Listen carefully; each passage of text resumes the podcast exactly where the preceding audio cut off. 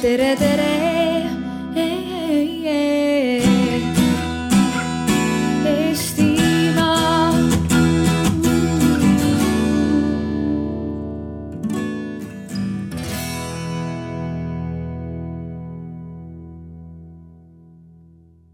Üritame siis leida vastust küsimusele, mis asi see infokorratus üldse on. ja ma kõigepealt tutvustan inimesi minu kõrval. Alustame paremalt või kui ekraani poolt vaadata, siis vasakult.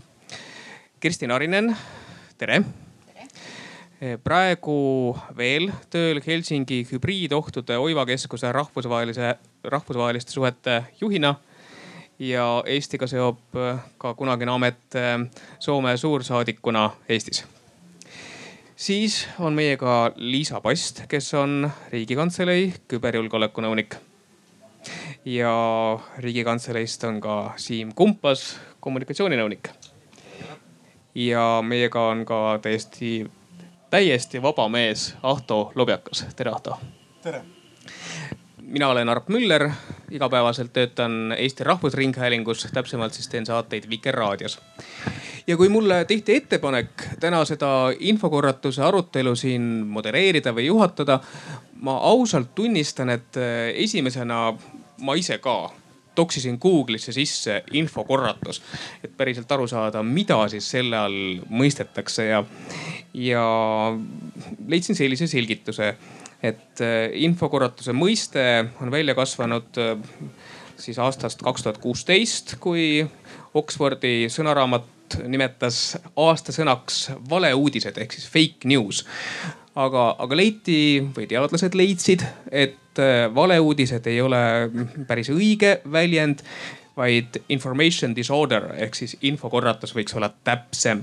ja selle alla siis veel omakorda võiks liigitada näiteks eksitava info, misinformation, valeinfo, disinformation ja vaenulik info, malinformation. see on see, mida mina siis leidsin internetist otsides, aga, aga head arutelukaaslased, mida teie jaoks infokorratus tähendab? ma alustan Ahtost ikka hoopis. millal sina viimati puutusid elus kokku infokorratusega, kui sa said aru, et oo, see on infokorratus?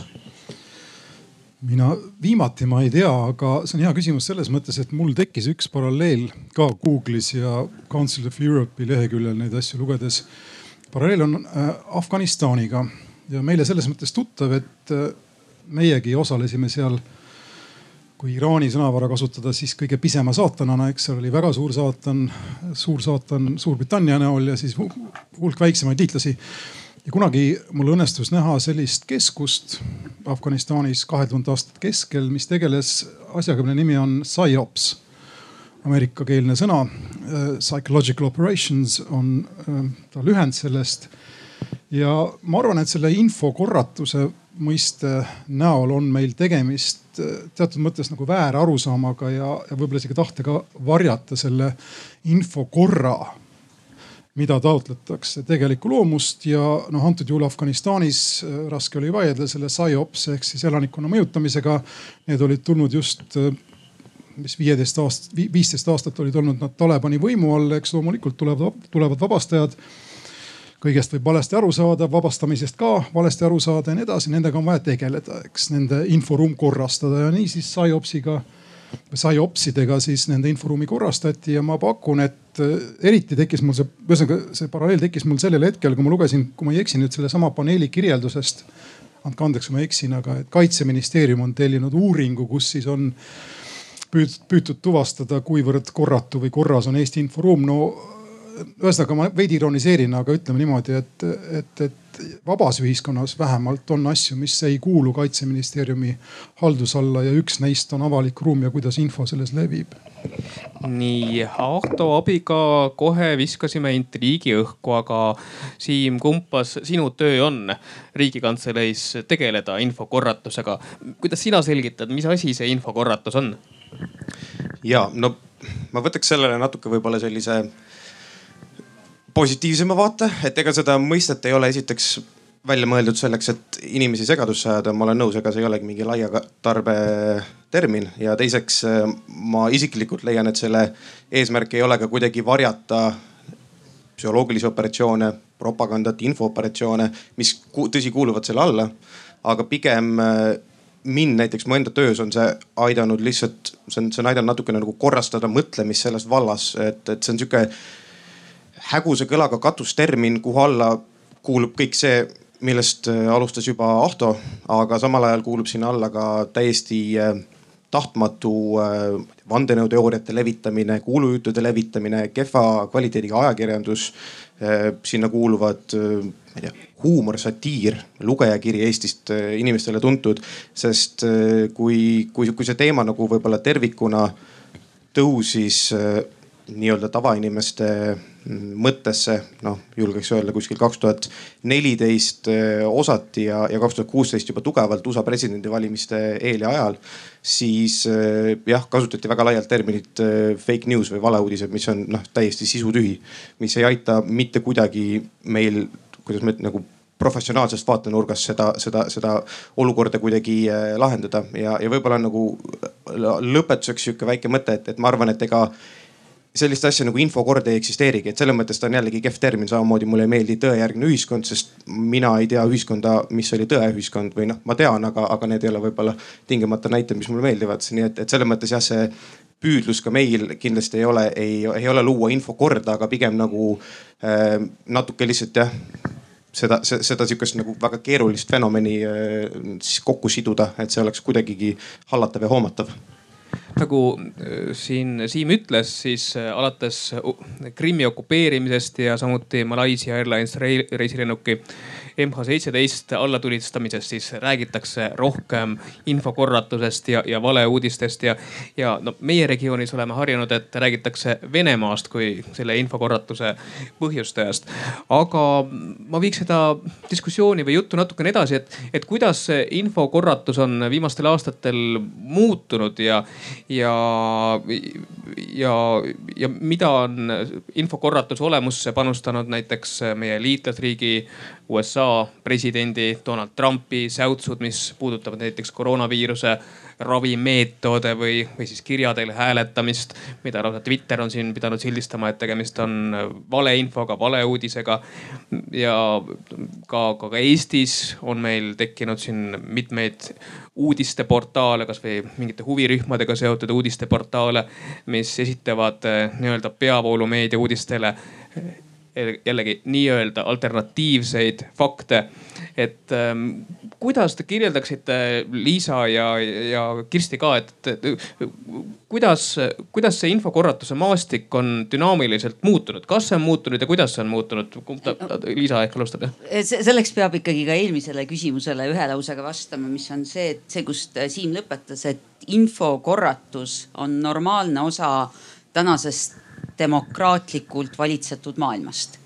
et me teame, et maailm on kompleksne, me teame, et ta on ebakindel ja selle tõttu on maailm, see, kus me elame, see rahvusvaheline keskkond äh, mitmeti mõistetav ehk korratu oma olemuselt.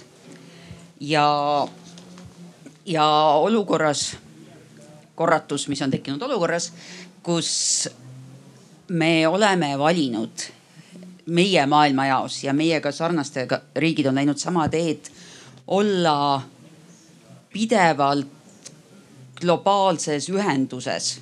kas on läbi uudiste, kas on läbi sotsiaalvõrgustike, kas on läbi noh selle, et minu õe pooleteistaastane, kes elab ajatsoonis kaheksasada tundi meist taga, kui ta ärkab umbes sel ajal, kui minu tööpäev lõpeb, võtab noh tema jaoks selle masina nimi on tädi Liisa sest et kui ta vajutab, näitab näpuga selle peale, ütleb tädi Liisa, siis tädi Liisa nägu ühel hetkel ilmub ja teeb talle onju noh nägusid ja näitab keelt. et me oleme valinud selle üliühenduses oleva eluviisi, mis tähendab seda, et me oleme ka valinud nende erinevate mitte ideaalselt korrastatud vaatenurkade juures elada. ja see probleemiks, need ka juhtumid, mis sa mainisid või ka noh, selgelt vaenulikult tegutsemine, kus näiteks kaks tuhat neliteist, kui Krimmi parajasti okupeeriti ja toimusid Ukrainas presidendivalimised, siis Ukraina keskvalimiskomisjoni veebilehele valimiste päeva õhtul ilmus, ilmusid tulemused mida muidugi siis Pervõi kanal ka kohe kasutas, mis väitsid, et äh, äärmuskandidaat Dmitri Jaroš on võitnud kolmekümne seitsme punktiga presidendivalimiste esimese ringi. tegelikult oli ta üheteistkümnes ja noh, veidi vähem veenva null koma seitsme protsendiga häältest. ehk et ta probleemiks muutub sellel hetkel, kui on täpselt see vaenulik või kuritegelik kasutamine. ja kuivõrd me oleme järjest rohkem ühenduses ja järjest rohkem infokorratuse keskkonnas, siis ka seda potentsiaali kuritegelikult ära kasutada kas siis läbi selle, et kodanik ei tea, kes ta kõrva sosistab. Äh, Cambridge Analytica või läbi selle, et esitatakse pahatahtlikke või kuritegelikke fakte teadlikult võltsides neid justkui õigesse konteksti. et, et see on see problemaatiline osa. see, et mina ja sina arvame paljudest asjadest erinevalt ja ei ole ühtset tõde. Äh, see on suur õnnistus, mida Eestil on kokku ajaloos olnud ainult mõned kümned aastad Kirsti, kuidas äh, sina näed Soomest vaadates, mis see infokorratus on ja kuidas see on äh, muutunud äh, viimastel aastatel? aitäh, ma tegelikult sa juhatasid sisse väga kenasti selle hübriidohtude maailma sellepärast, et ma tahaksin seda ka pisut kaugemalt alustada, et me olime harjunud, eriti külma sõja ajal, selle üks-null maailmaga. meil oli rahu ja, ja meil oli sõda ja meil oli avalik ja meil oli era ja meil oli meil oli tõde ja meil oli vale ja meil oli, mis veel, juriidiline ja poliitiline ja, ja kõik see oli nagu täiesti nagu selge ja see oli väga kerge hallata.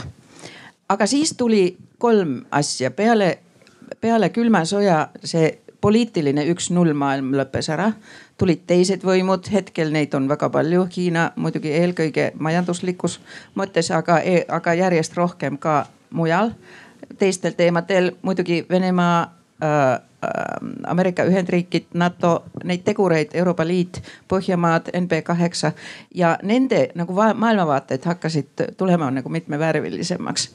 ei olnud must ja valge, et üks-null enam ja sellega seoses tuli ka tehnoloogia revolutsioon, mis tähendab seda, et see just see, et inimesed näevad teineteist, räägivad, tuli selle tulemusena tuli väga palju efektiivsust ja tuli majanduslikku kasvu, et see, meie ei saa digitaliseerimisest muidugi rääkida nii, et ta oleks, ta oleks ainult nagu mingi küberohtude toodang, suurtoodang. et selle, see on muidugi üks osa sellest, aga suuremas osas see oli ja tulemused on olnud positiivsed. ja meile väga kasulikud ja selle tulemusena on ka tädi Liisa, kes võib olla nagu kohal. Minu tütar käis Austraalias nüüd suve, nüüd talve ajal ja, ja see, et meil on nagu maailm on meie käes kogu aeg, iga, iga hetk ja ühendused on lisandunud, aga selle tulemusena jälle tuli muidugi see meediamaastiku muudatus. ja see, et me, kui vanasti oli ka nagu meedia oli ühesuunaline, et meil oli meedia, kes informeeris inimesi, inimesed võtsid vastu, kes uskus, kes ei uskunud, aga enamasti usuti. Ja siis oli ka poliitiline ajakirjandus, kui Soome, Soomen sotsiaalidemokraati kirjutas midagi, me teadsime, et ahah, see on sotsiaaldemokraatilise erakonna arvamus sellest asjast ja inimesed oskasid veel panna asju ja, ja arvamusi nagu kastidesse et selles suunas tuleb selline info ja mina saan sellest aru, sellepärast et terve maailma ümber oli üks-null lihtne äh, nagu hallata. Aga siis kõik see läks ära ja selle üks, selles mõttes läks ära, et majanduslikutel põhjustel tuli ka uued. muidugi selles mõttes, et nad olid kergemad kasutada ja odavamad kasutada, ei ole vaja tellida ajalehti. Helsingi sõnumit on mingi kaheksasada euro aastas, see on väga suur raha. sa võtad suurema heameelega Facebookist need uudised või kuskilt mujalt või sellisest mullist, kus räägitakse asjadest, millest sina veel saad aru ja mis on sinu peas üks-null korras.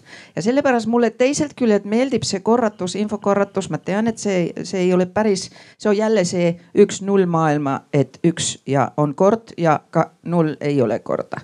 et nii ta ei lähe ja hübriidmaailmas on tegelikult see, et ära kasutatakse seda segadust ja siis, kui tuleb segadus, see teenib just selliste võimude huve, kelle sihiks ongi segadust tekkida ja siis on see, millest sa, Liisa, rääkisid ja tegelikult me kõik rääkisime juba.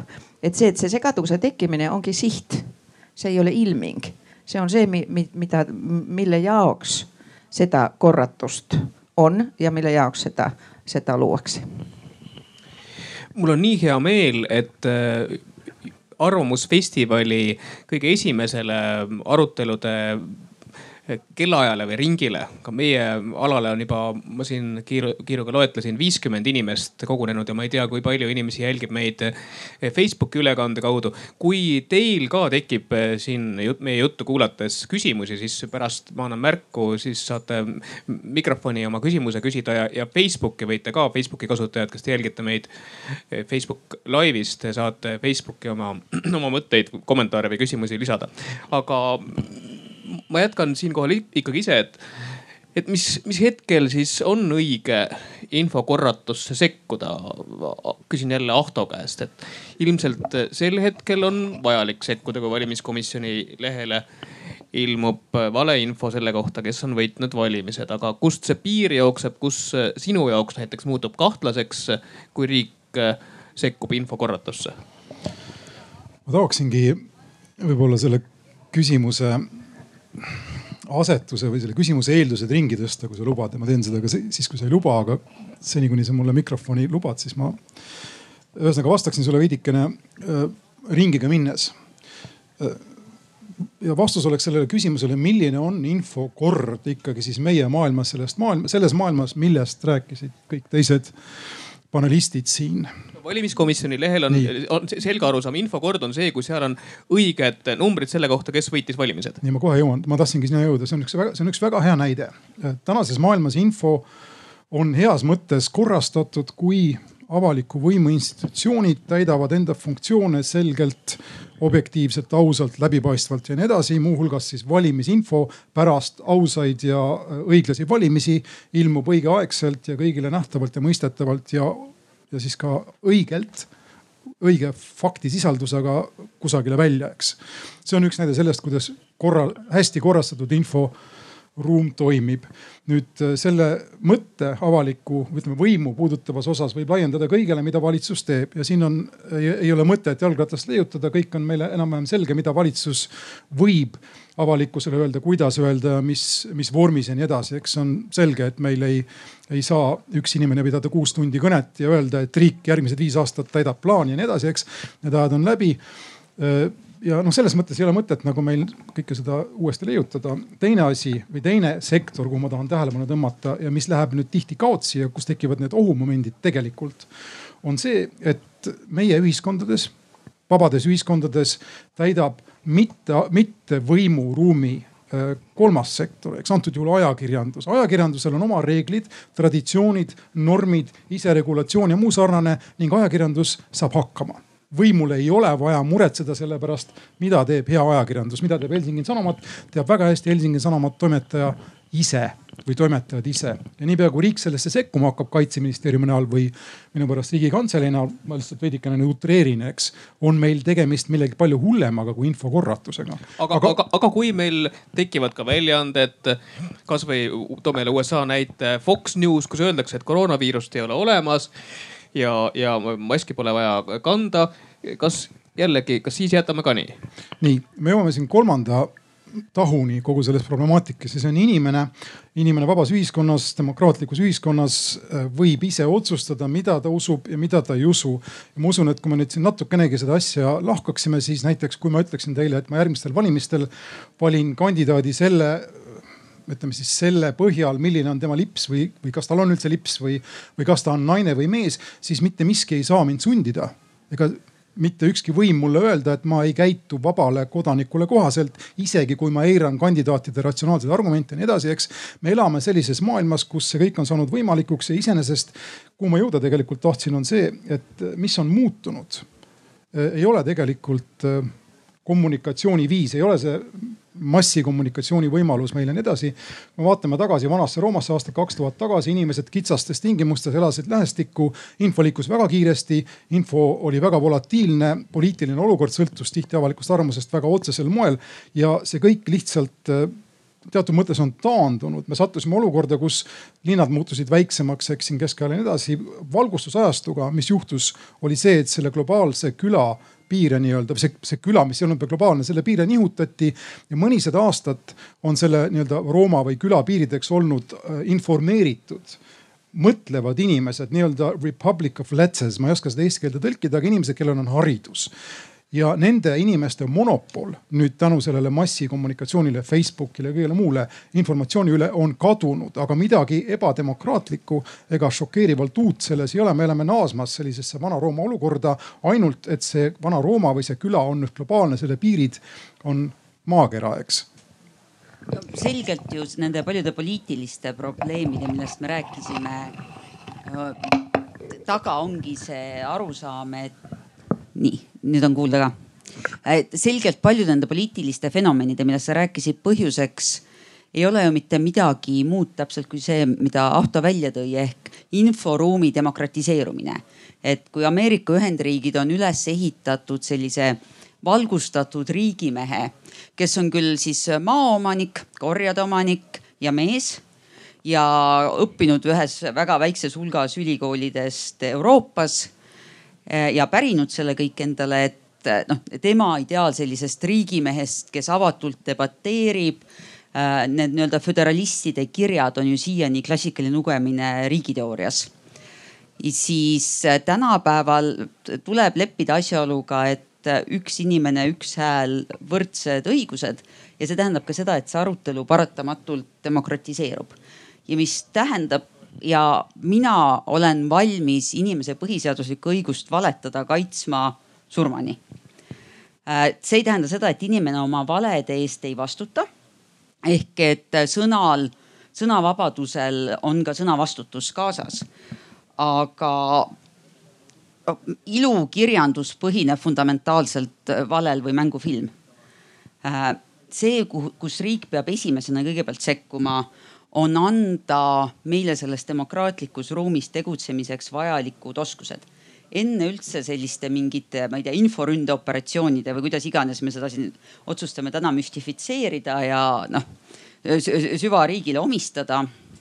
et enne sellise tohutu müstilise äh, nõiajoogi, mida tegelikult ei ole olemas, nagu selle konstrueerimist, siis see, mida riik peab tegema selleks, et me oleksime valmis selles tänases globaalses demokraatias, kus kõigil on võrdne hääl, äh, olema, olema aktiivsed kodanikud, on andma kriitilise mõtlemise õigus, oskused ja andma need baasarusaama põhjus-tagajärg äh, mis on argument, see, et kui sul on väide, siis on tore, kui tal on ka põhjendus ja kui tal on põhjendus, siis see on tore, kui see on midagi, mis ka on nagu kuidagi tõestatav ja siis probleem ei ole ju selles, et kas ma ei tea, loodushoiu ja majanduse kasvu teemadel äh, argumenteerides. et probleem ei ole selles, kui sina toetad tselluloosivabrikut, hüpoteetiline sina ja mina toetan Emajõe vesiroose. kuni me mõlemad aktsepteerime, et vabrik, majanduse prioritiseerimisel on mõju loodusele ja vastupidi või et rahva tervisesse investeeringu vähendamisel on mõju rahva tervise vähenemisele. aga just nimelt seda enam ei aktsepteerita, aga ka selles sinu. aga et, et, et see on see, mida riik peab, peab õpetama jah, seda. debatis et... ju, ju kõlasidki eh, süüdistused, et, et sina oled ära ostetud teadlane ja sind me ei kuula. ja see, mida, mida riik peab suutma tagada esimese asjana ja kõik muu on pudi-padi, on just see, et kodanikel on soov ja oskused saada aru, et kõigile ei saa korraga makse vähendada ja teha väljamakseid riigikassast, lisades sinna ka kirsid peale. et kuni me need erimeelsused ja erinevad arusaamad on demokraatliku ühiskonna normaalne osa aga riigi kohustus on meid ette valmistada ennekõike läbi haridussüsteemi, läbi arvamuskultuuri, läbi sellise avatud mõttevahetuse nagu siin täna või ka läbi normaalse uuriva detaili mineva ajakirjanduse nagu mõnes väljaandes, kus mõned meist töötavad mõnikord äh,. läbi selle toetamise, see on riigi esimene roll see on kõik väga kena teooria ju, et on arvamuskultuur ja inimesed kõik on haritud. aga praktika on ju siinsamas. aga praktika, just ma tahangi praktiku käest küsida, et siin äh, koroonapuhang, puhangu ajal näiteks Õhtuleht tegi Tartu tänavatel ühe väga toreda videoküsitluse kus äh, üks noor äh, mees ütles, et äh, koroonaviirust ei ole, ei ole olemas, kui sa ei vaata uudiseid ja tema uudiseid ei vaata ja seega koroonaviirust ei ole olemas. et ähm, kuidas siis kasvõi sellise praktilise olukorraga tegeleda.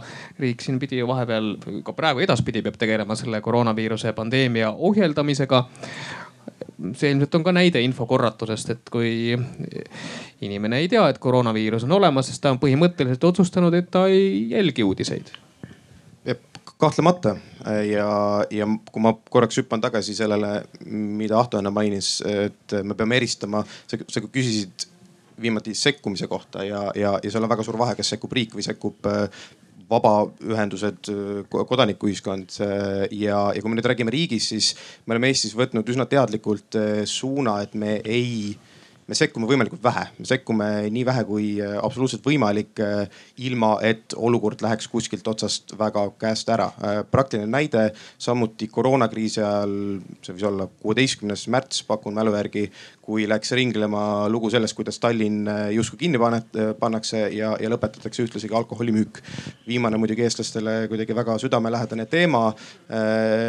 viis meid reaalselt olukorrani, kus, kus olidki parklad olid autosid täis ja, ja ja see, ja see noh, kuulujutt läks kuskil sihuke tunni-kahega, kui ta jõudis minuni, ma ei tea, kümnest pluss allikast. aga see kõlas ja... ju ka väga usutavalt, sellepärast et ajaloos aprillirahutuste ajal ju Eesti riik keelas ju mhm. alkoholimüügi mm. -hmm. mujalt maailmast me olime juba ka näinud, et riigid on sulgenud linnasid mm, -hmm. pannud teetõkkeid. nii et tundus, et seda on ju varem tehtud, miks mitte nüüd uuesti? just, aga selles mõttes sa tabad siin naelapea pihta, et ega ütleme, selline ideaalne, kui me räägime inimeste mõtetega tahtlikust manipuleerimisest, siis ideaalne viis selleks ongi võtta mingisugune väike sihuke tükike tõtt ja, ja ehitada selle ümber, et kui sa lähed, lähed, lähed inimesteni mingisuguse täieliku umbluuga, siis sa, sa ei veena kuigi paljusid. et ja meil on hulk inimesi, kes arvab, et maa on lame, aga, aga see on ikkagi nišiarvamus. kui me räägime mõnes mõttes enneolematu pandeemia ajal äh, sellest, et ma ei tea, debateerime, kas mask on, on vajalik või mitte olukorras, kus ka tervishoiuspetsialistid ei ole kindlad selles. sul on väga lihtne jõuda väga paljudeni, aga ühesõnaga see oli lihtsalt, lihtsalt näide sellest, kus me tõesti äh, võtsime, võtsime selle otsuse, et jah, me, me tuleme siis noh, riigikantselei tasemel äh, avalikkuse ette ja ütleme, et ei, see, see tõele ei vasta. aga, aga üldjuhul nagu Ahto ja Liisa juba ütlesid, meil on selleks ajakirjandus, kodaniku ühiskond, kes, kes saab sellega suurepäraselt hakkama, see ei ole riigi töö selliseid, selliseid asju ümber lükata, kus aga, äh, kus see piir minu jaoks võib-olla jookseb, on esiteks on, on tahe, mida ka Liisa põgusalt mainis.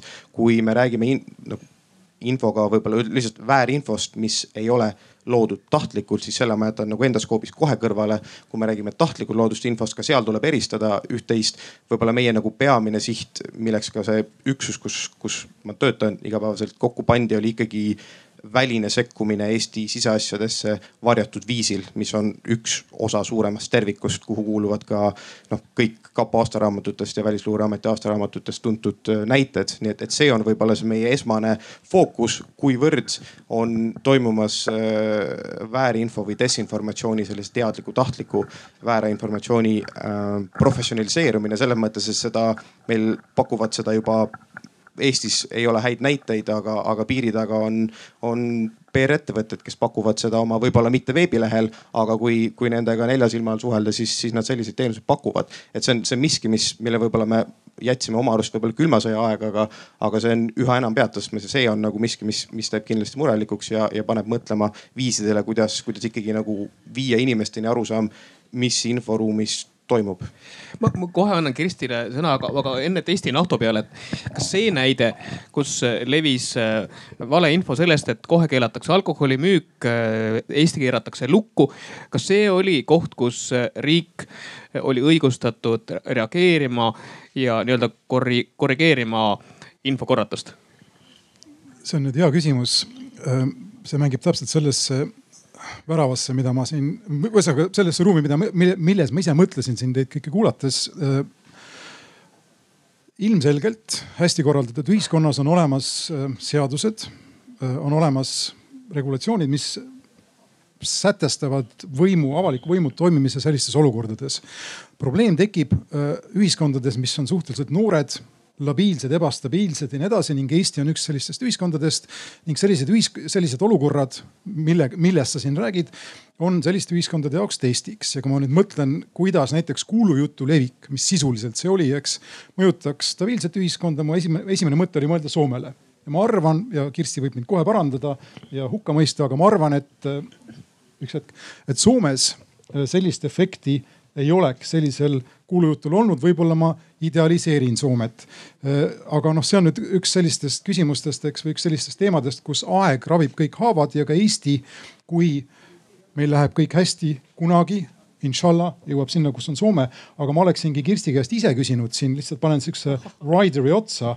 kui äh, äh, riigikantselei esindaja räägib äh, idanaabrist ja valeinfost ja infooperatsioonidest ja nii edasi, siis väga kiiresti ja lihtsalt läheb meil kaotsi see äh, teadmine, mis on muidugi olemas, aga teadmine sellest, et meie enda kaaskodanikest ja ma nime, ma kasutan seda sõna meelega praegu, on circa kakskümmend kuus, kakskümmend seitse protsenti venekeelsed ja see on teema, mida sina peaksid ilmselt minust isegi paremini tundma.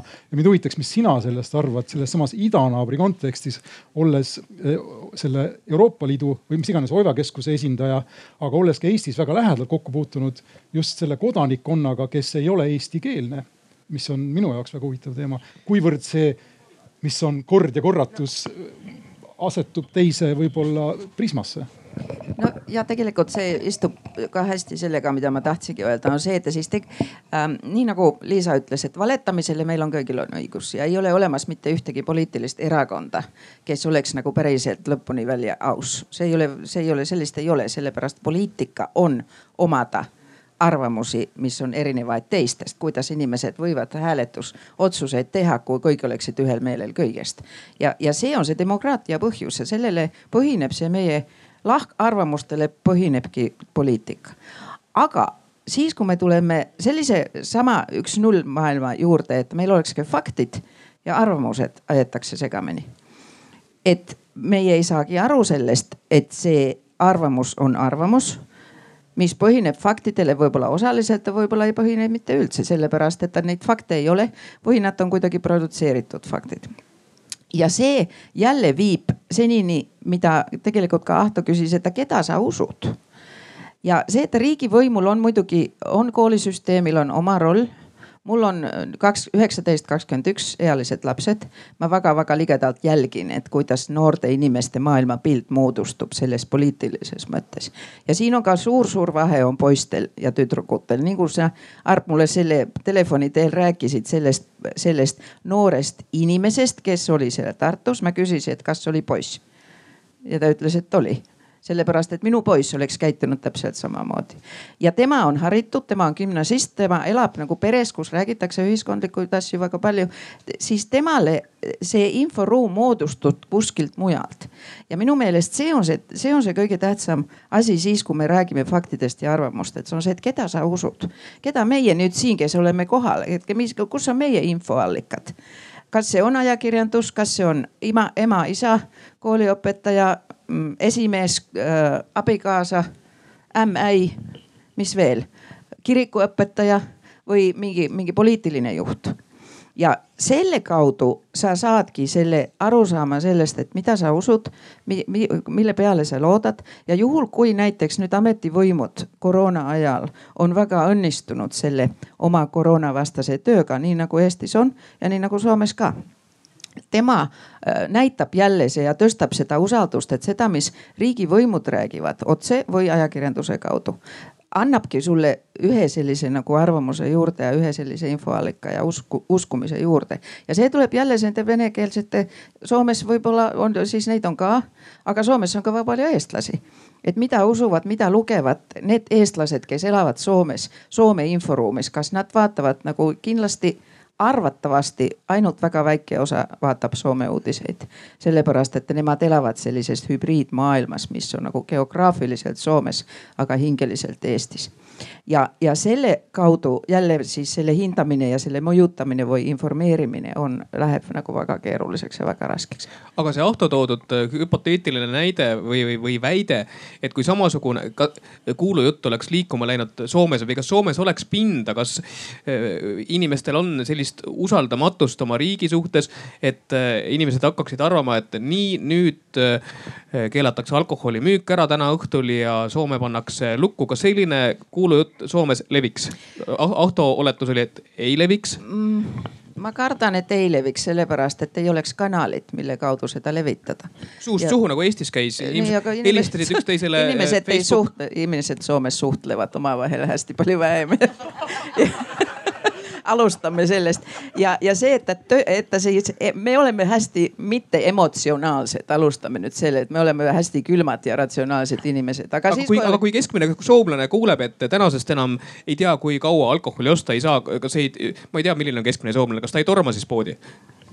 ei usu ei usu ja meil on alkohol on kõik alkopoodides, mis tähendab seda, et peaks olema alguses see alkopood su külas, kuhu sa ründad.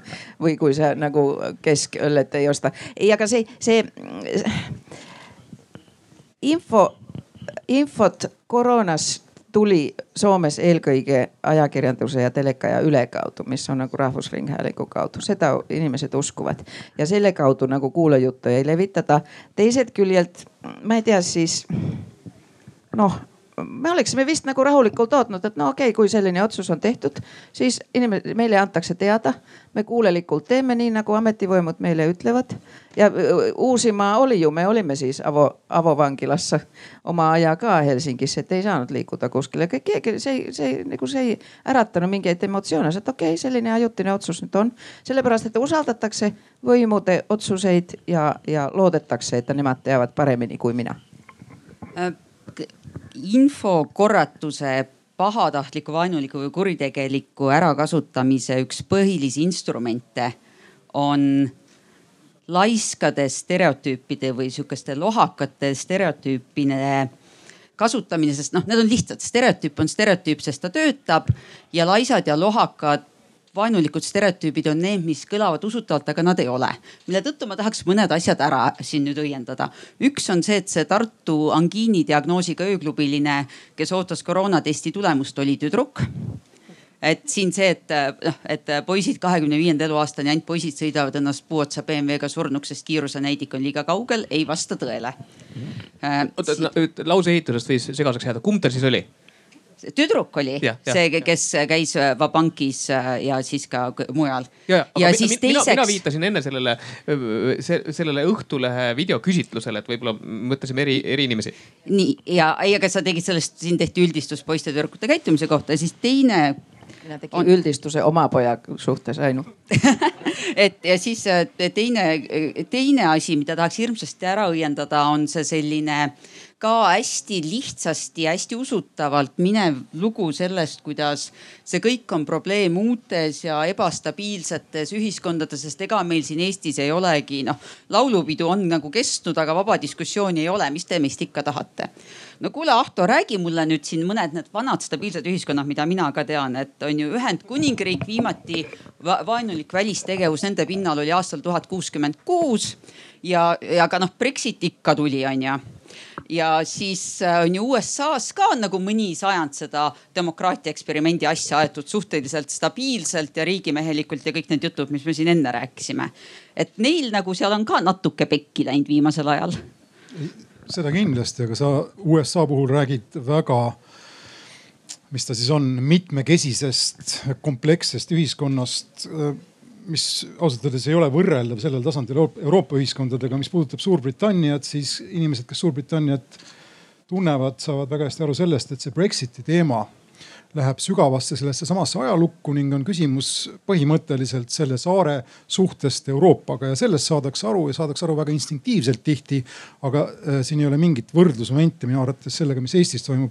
kolmandaks, kui sa tahad veel ühte ühiskonda, ma arvan, et Soome on meil kõige parem näide ja ma arvan, et äh, Kirsti väga kiiduväärselt lapidaarselt lahendas selle äh, minu õhku visatud küsimuse ära, aga, aga kui ma veel ühe näite peaksin välja mõtlema, siis see on Šveits, mis läheb korda meie paremäärmuslikult meelestatud kaasmaalastele väga äh, tihti. Ja Šveits on muuhulgas koht, kus äh, riigile pandi alus no nii-öelda poolkonstitutsiooniliselt rütlišvuuriga circa kas seitsekümmend aastat või kuuskümmend aastat pärast seda, kui Lembitu oli surma saanud. ja Lembitust me ei teaks mitte midagi, kui sellest poleks kirjutanud üks saksa munk kroonikat, nii et, et kui me vaatame ikkagi ajaloolist sügavust, siis ma väga, väga kergelt seda, seda dimensiooni kõrvale ei lükkaks. sellel on väga oluline tähtsus ja üks koht, kus sellistel asjadel nagu kuulujutud oleks hoopis teine toime, on kindlasti Šveits, mida ma ka veidikene tunnen nii väga, kui ma ei tahaks ka uskuda Ahto mõtet sellest, et Eesti on ühel hetkel piisavalt küps, et siin sellised kuulujutud ei levi, siis eh, ei ole väga palju näiteid laiast maailmast ka vanadest ühiskondadest leida, kus see nii oleks, et jätame kõrvale USA, mida juba mainiti, jätame kõrvale UK. ma ei tea, võtame näiteks Hollandi, jah kuningriik teistsugune riik täiesti, aga seal koroonakriisi ajal on põlema pandud pealt sada mobiilimasti, sest inimesed arvavad, et 5G äh, äh, põhjustab koroonaviirust näiteks. nii et, et küsimus, ma arvan, millele see, selles mõttes see, mille ümber me siin nagu tiirutame praegu, mulle tundub, taandub sellele, mida Kirsti enne mainis, mis on usaldus, usaldus äh, riigi institutsioonide vastu, kus usaldus on olemas, mis on Eestis suhteliselt kõrge lääne ühiskondi vaadates, Soomes suhteliselt kõrge, mujal Põhjalas samamoodi, siis, siis ma, ma pigem tahaks uskuda, võib-olla naiivselt, et, et ütleme, et selle kandi riigid on isegi teatud tüüpi selliste võngete äh, suhtes isegi paremini kaitstud kui võib-olla, et vanemad ja, ja palju suuremad demokraatiad. ma isegi mõtlesin nende juttu rääkides korra, et kas ma panen siia caveat'i otsa, et see ei puuduta vaktsiini teemat. Kei viitas, see ei ole veel Eestisse päriselt jõudnud ja see on hoopis midagi muud. miks see hoopis midagi muud on? Ma usun, et teised inimesed teavad, Liisa kindlasti teab paremini, aga see on teema, mis on emotsionaalne par excellence. kui siin me räägime alkoholipoodide võimalikust kinnipanekust, siis no meieealised inimesed saavad aru sellest mingil tasandil, aga, aga me juba mõtleme, kas me viitsime hakata autovõtmed otsima ja nii edasi, eks. aga inimesed, kes usuvad sellesse vaktsiini teemasse, neil on tihti mina olen, ma tean seda nii-öelda anekdotaalselt, ma, mul on Facebookis sõpru ja tuttavaid ja nii edasi, kes on kaotanud kellegi ja kes usuvad, et oli tegemist vaktsiini teemaga, meditsiinisektori hooletusega on äh, seda, mis iganes see, see viis 5G puhul on tegemist mingisuguse konspiratsiooni ja varjamisega. see on täiesti omaette teema, mida, mis kuulub siia selle info teema juurde, ma täiesti olen nõus, aga mille mõju inimestele võib-olla on nende meie poolt käsitletud valdkondade seas ainus, mis on tõeliselt modernne. sest et see on nii-öelda juba anti antiteadus ja antimuu sarnane, mis läheb väga spetsiifiliseks, ta on väga argumenteeritud. inimeste elud on satsatu on vist see soomekeelne sõna, mul ei tule eesti keeles ette, aga nad on at stake, eks. See on hoopis midagi muud aga kelle tegemata jätmine siis on, kui sada mobiilimasti on maha põletatud, kas Hollandi riik on jätnud midagi tegemata? on see jõustruktuuride tegemata jätmine, on see Hollandi ajakirjanduse tegemata jätmine, on see Hollandi kodanikuühiskonna tegemata Siinkohal jätmine? ma tahaks hea meelega täpsustada, et ühegi Euroopa mobiilimasti otsas hetkel ei ole ühtegi töötavat 5G sagedusalas töötavat 5G saatjat, et me kõik sellest nagu ühtemoodi aru saaks.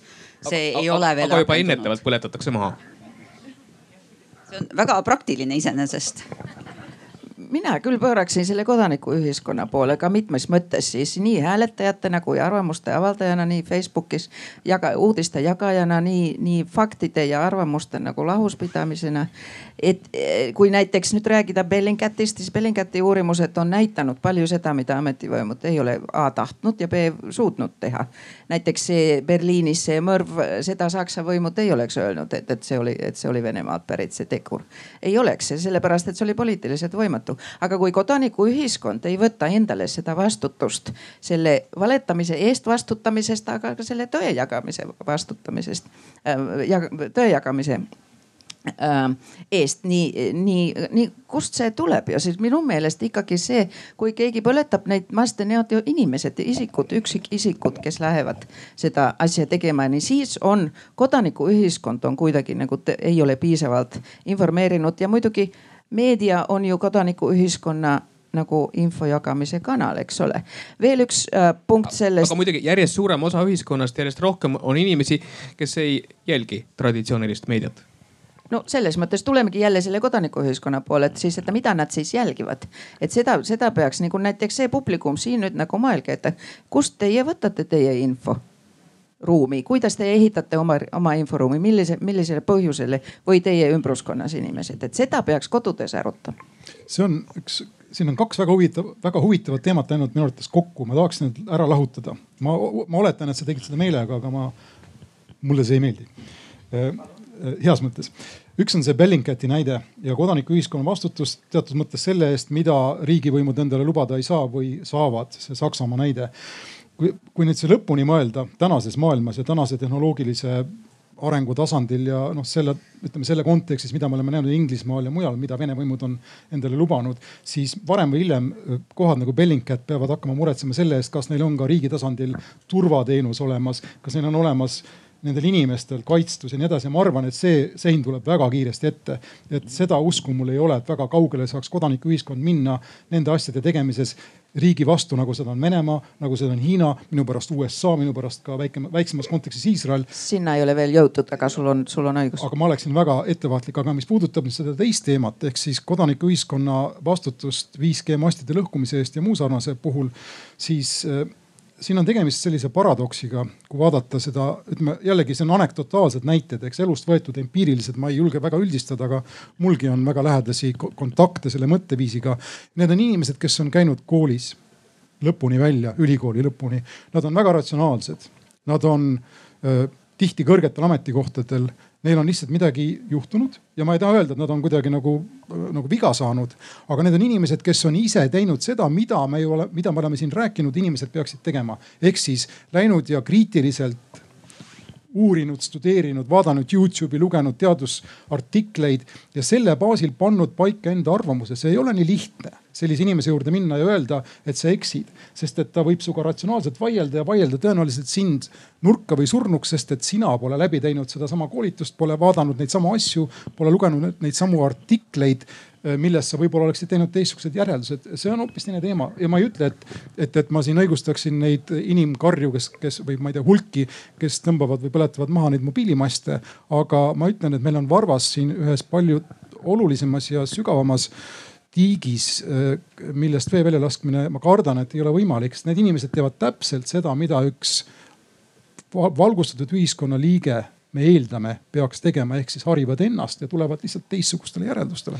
nagu öeldud, meie praegune aruteluring on sissejuhatus järgmistele siinsamas alal toimuvatele ja, ja ma vaatangi kavast, et äh, arutelu, mis algab kell neliteist, äh, käsitlebki seda, et väärarusaammad, kuidas need tekivad ja miks nad nii visad on, aga äh, Siim sel, selles mõttes Ahto avas jällegi sihukese hea laeka, millest me ei ole veel täna rääkinud, aga, aga üks selline klassikaline noh lahendus, osa lahendusest eh, infokorratusele, eh, ütleme siis nii, on, on meediapädevus ehk siis inimeste võime hankida analüüsida ja, ja luua informatsiooni äh, kriitiliselt ja, ja oskuslikult see kõik kõlab väga suurepäraselt ja ma, ja ma siiamaani isiklikult usun sellesse kui ühte sellisesse vääramatusse elementi selles töös. küll aga see toob meid täpselt sellesama probleemini, et, et see, seesama sõnum, et mõtle kriitilisemalt, äh, kahtle, kahtle kõiges, mida sa loed, mida sa tarbid. Äh, see on meid kohati, ma arvan, toonudki täpselt siia, kus me oleme, meil ju noh hea näide lähedalt äh, naabri tele, telekanal RT endine Rossija Zavodina või Russia Today.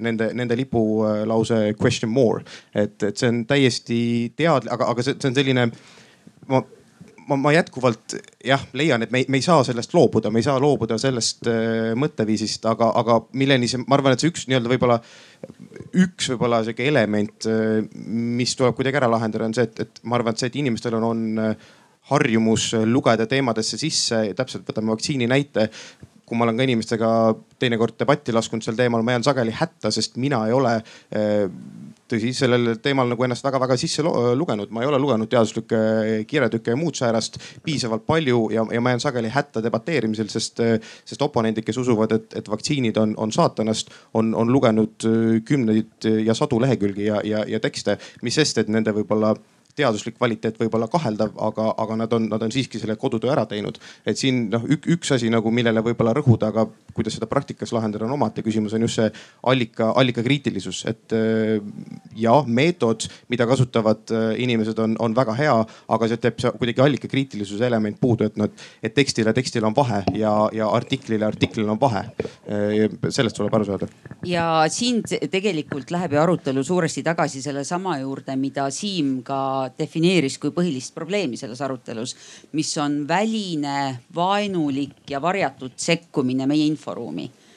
ja ega siis kas see on Vene Föderatsioon ja tema, ütleme siis luureasutustega lähedalt seotud infotootjad ja tegutsejad või see on mõni teine väline sekkuja temal on sügavalt ükskõik sellest, kuidas on Eestis vaktsineerimisega tegelikult. just, aga, aga üritame praktiliseks äh, viia selle küsimuse näiteks, et kui näiteks perekooli foorumis keegi propageerib, äh, populaarne blogija või kes iganes, et äh, vanemad, ärge vaktsineerige oma lapsi, et siis Eesti riik, sa ütled, ei peaks sekkuma, aga juhul kui selgub, et seda populaarset blogijat näiteks rahastab Vene riik, et põhjustada Eestis vähemat vaktsineerimist, siis Eesti riik peaks sekkuma või kuidas? no ja eks loomulikult on see küsimus, et kas seal alaealiste elud seatakse ohtu, nagu Eestis on olemas ju pretsedent, et selle MMS-i puhul laste siis äh, see kriminaal, kas tegemist oli kriminaalse hoolimatuse omaenda laste elude ohtu panemisse, aga küsimus, miks on üldse nii noh, miks needsamad vaktsiiniteemad ja 5G teemad on olulised, me peame sellele vastama, enne kui me saame rohtu otsida. on, on see, et ega see nii-öelda vastasvõistkond tal on tegelikult suhteliselt ükskõik, mis siin toimub. mina julgen väita, et vastasvõistkonnal oli ka täiesti ükskõik, kas Donald Trump saab Ameerika presidendiks. Ja Donald Trumpil oli ka suhteliselt ükskõik, kas ta saab Ameerika presidendiks, kuni ta sai Ameerika presidendiks. aga see, mida tehakse vaenulikult, süstemaatiliselt ja poliitiliselt motiveeritult, on ühiskonnas olemasolevate väikeste pragude lahti kangutamine, et nad muutuksid lõhedeks, mis polariseerivad, mis muudavad meid üksteise suhtes skeptiliseks, hiljem paranoiliseks, tekitades ebakindlust, hirmu ja kahtlusi ühiskonnas. Ja läbi selle siis meie kõigi jaoks delegitimeerides, muutudes vähem usutavaks seda ühiskonda ja seda usaldust, mis meil siin omavahel on ja see on tegelikult eesmärk ja selleks vaktsiini teema sobib suurepäraselt, sest kõigil on mingi isiklik vaade. haridus sobib suurepäraselt, sest kõik on ju koolis käinud ja selle tõttu tohutud eksperdid äh, sobib ja vaktsiinide puhul on veel ka see, et on olemas teadusartikkel, mis hiljem väga mainekast ajakirjast Lancet on tagasi kutsutud, sest selgus, et ähm, noh, see uuring ei olnud nagu otseselt teaduslik, mis seal all oli. Äh, ja ta on selle tõttu suure polariseerimispotentsiaaliga, mis on lõppeesmärk sellel siis seda prao lahti kangutajal. aga mis vahe on, kas neid lõhesid, kasvõi kui Eesti ühiskonda mõelda, kui neid lõhesid teadlikult tekitab äh, meie vastasvõistkond ehk siis Venemaa, võib-olla sealsed eriteenistused või neid lõhesid tekitab kasvõi meie liitlasriigi president äh, Donald Trump, mis, mis vahe seal on? kes julgeb no, vastata no, hübriid, nüüd ma tulen selle töökoha juurde, siis hübriidohtude hoivakeskuses meie uurime just seda nende pragude laiendamise nagu peatamist, see on, see on täpselt see töö ja nende identifitseerimist. ja meie nagu põhi, nagu see põhijoon on see, et meie kaitseme demokraatiat. et demokraatlikus riigis äh, ei ole, ei ole või demokraatlikult riigid teineteist või teineteise demokraatiat lahutada või, või lammutada ei taha ja siis see tegelikult vastab selle küsimusele, et see, mida Ameerikas toimub, see ei ole suunatud meie demokraatia lahutamisele või, või lammutamisele. et see on suunatud, see on suunatud oma kodu nagu kodukasutusele, nii kui ka Venemaa osas mingi osa sellest on ka kodumaa kasutusele. aga vaieldamatult see mõjutab ju ka ühiskonda meil siin Eestis otseselt. absoluutselt ja meil ka ja igal poolel Euroopas, NATO, EU, äh, Euroopa Liidu koostöös näiteks NATO, NATO struktuurides, seal on nagu, seal on väga-väga suur mõju. aga see ei ole meie kätes siis, see on see, et meie kätes on tegelikult see, et mida meie sellest arvame. Ja kas meie nüüd näeme, et, et näiteks demokraatias on presidendivalimised on üks, aga Ameerikas on väga palju demokraatilisi struktuure, kes hetkel töötavad täpselt nii, nagu nad on töötanud alati. ja see, et, et Trumpi mõni osa ka tema, tema ütlemistest on tegelikult hästi loogiline.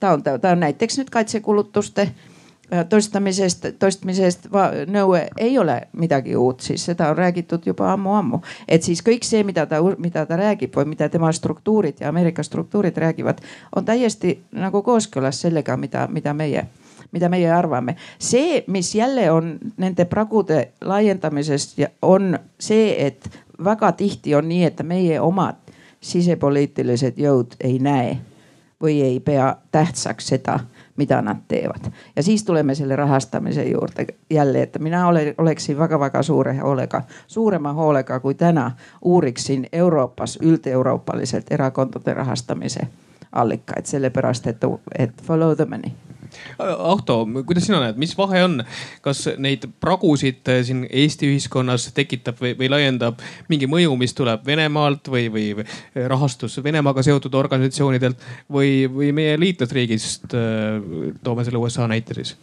eh, ma tahaksin Kirstile kahe käega plaksutada, kui mul oleks kaks kätt vaba, aga ei ole, ühes on mikrofon. ühesõnaga, ma arvan, et ta on väga mõistlikult ja väga targalt ja väga vaikselt toonud selle teema selle, sellesse kohta, mis tegelikult on oluline ja äh, sinu küsimusele ma tahaksin vastata jällegi põiklusega, ehk siis kui me küsime, kes on süüdi nendes lõhedes või nende lõhede pragude laienemises meie ühiskonnas, mis meile ei sobi, siis seni, kuni me otsime välist vaenlast, olgu see Venemaa või Donald Trump või keegi või välissüüdlast, siis me ei tegele sellega, selle ainsaga tegelikult, mis on meie enda võimuses, et enda elu parandada. ja see on meie enda ja sellest tegelikult on siin räägitud, eks meie enda võimekus äh, või võim, võime otsustada teada, teada saada, analüüsida, järeldusi teha ja nii edasi.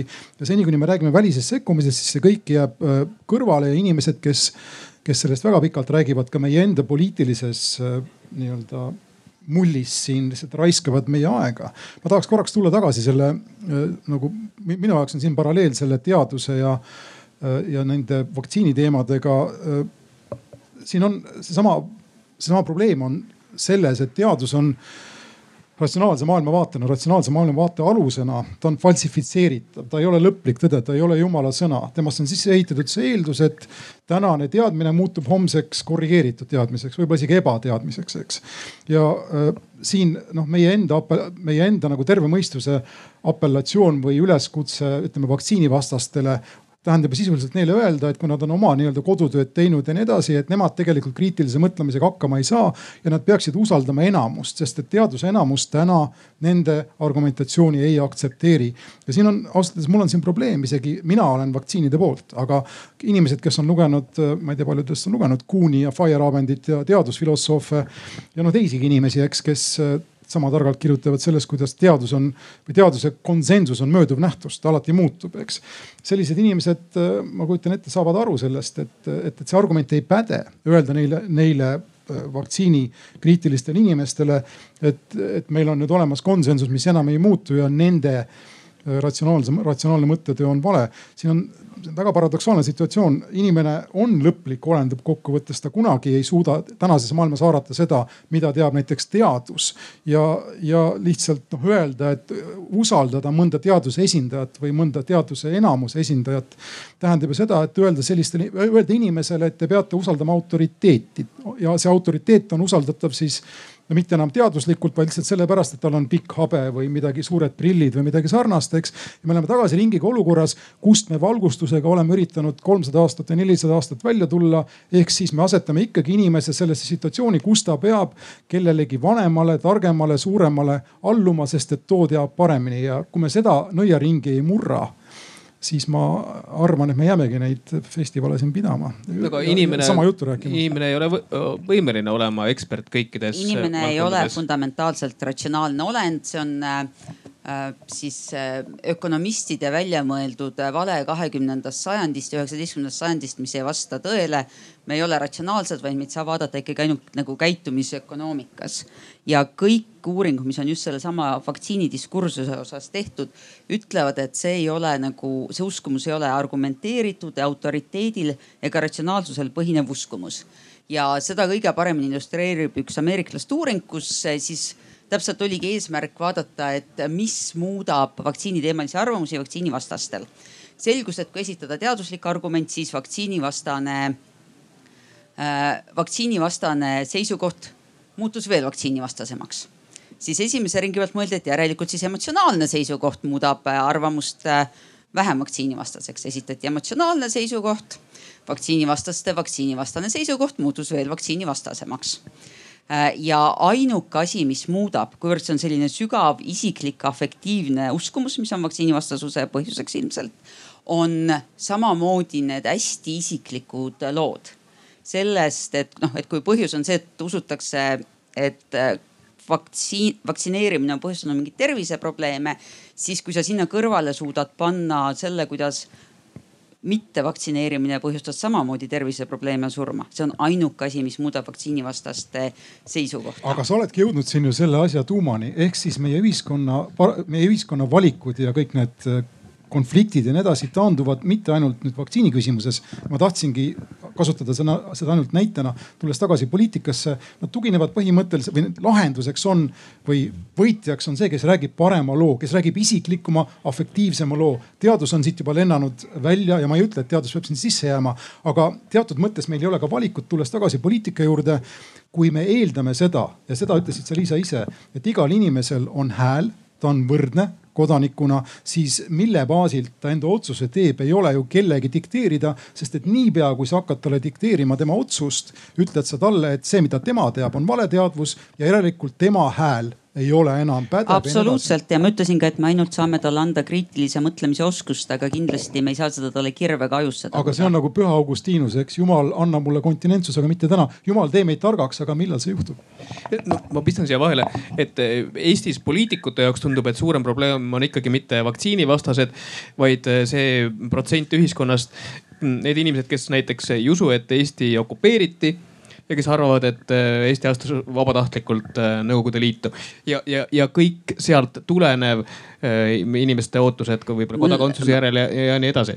ma juba mõnda aega tagasi omas peas ühe vana anekdoodi moderniseerisin, mis võtab kokku seda, mida Kirsti väga elegantselt juba väljendas, mis on see, et teatavasti Trumpi, Putini Helsingi kohtumiselt meil ei ole teadmist, millest seal räägiti, sest et ei olnud ametnikke juures aga äh, salaprotokollidest on siiski selgunud, et arutati ka sõnavabaduse demokraatia küsimusi ja ütles Trump, tead, minul on ideaalne demokraatia, sellepärast et kes iganes võib seista Valge Maja ees ja karjuda, Trump on idioot, temaga ei juhtu mitte midagi. Putin ütles, tead, mul on sama hea demokraatia. mitte midagi ei juhtu inimesega, kes seisab Kremli ees ja karjub, Trump on idioot. ja see ongi see vahe aga ma küsin Siimu käest oma küsimuse ikkagi, ikkagi uuesti, et, et äh, riigikantseleis töötades, äh, kui suur probleem on see protsent ühiskonnast, ma ei tea, kui suur, suur see on, kümme või, või, või viisteist või kakskümmend, kes leiab, et, et Eesti astus vabatahtlikult Nõukogude Liitu? on, on see, on see probleem, on see teema, millega te tegelete seal? no see on kahtlemata meie orbiidil, sest see on miski, mida meie idanaaber äh, aastast üheksakümmend üks äh, väga visalt äh, siiamaani korrutab, et, et äh, me võib-olla ma isiklikult ka ei muretseks niivõrd selliste üksikute pistete ja näidete pärast, sest noh, nendel haruharva on mingisugune pikaajalisem mõju.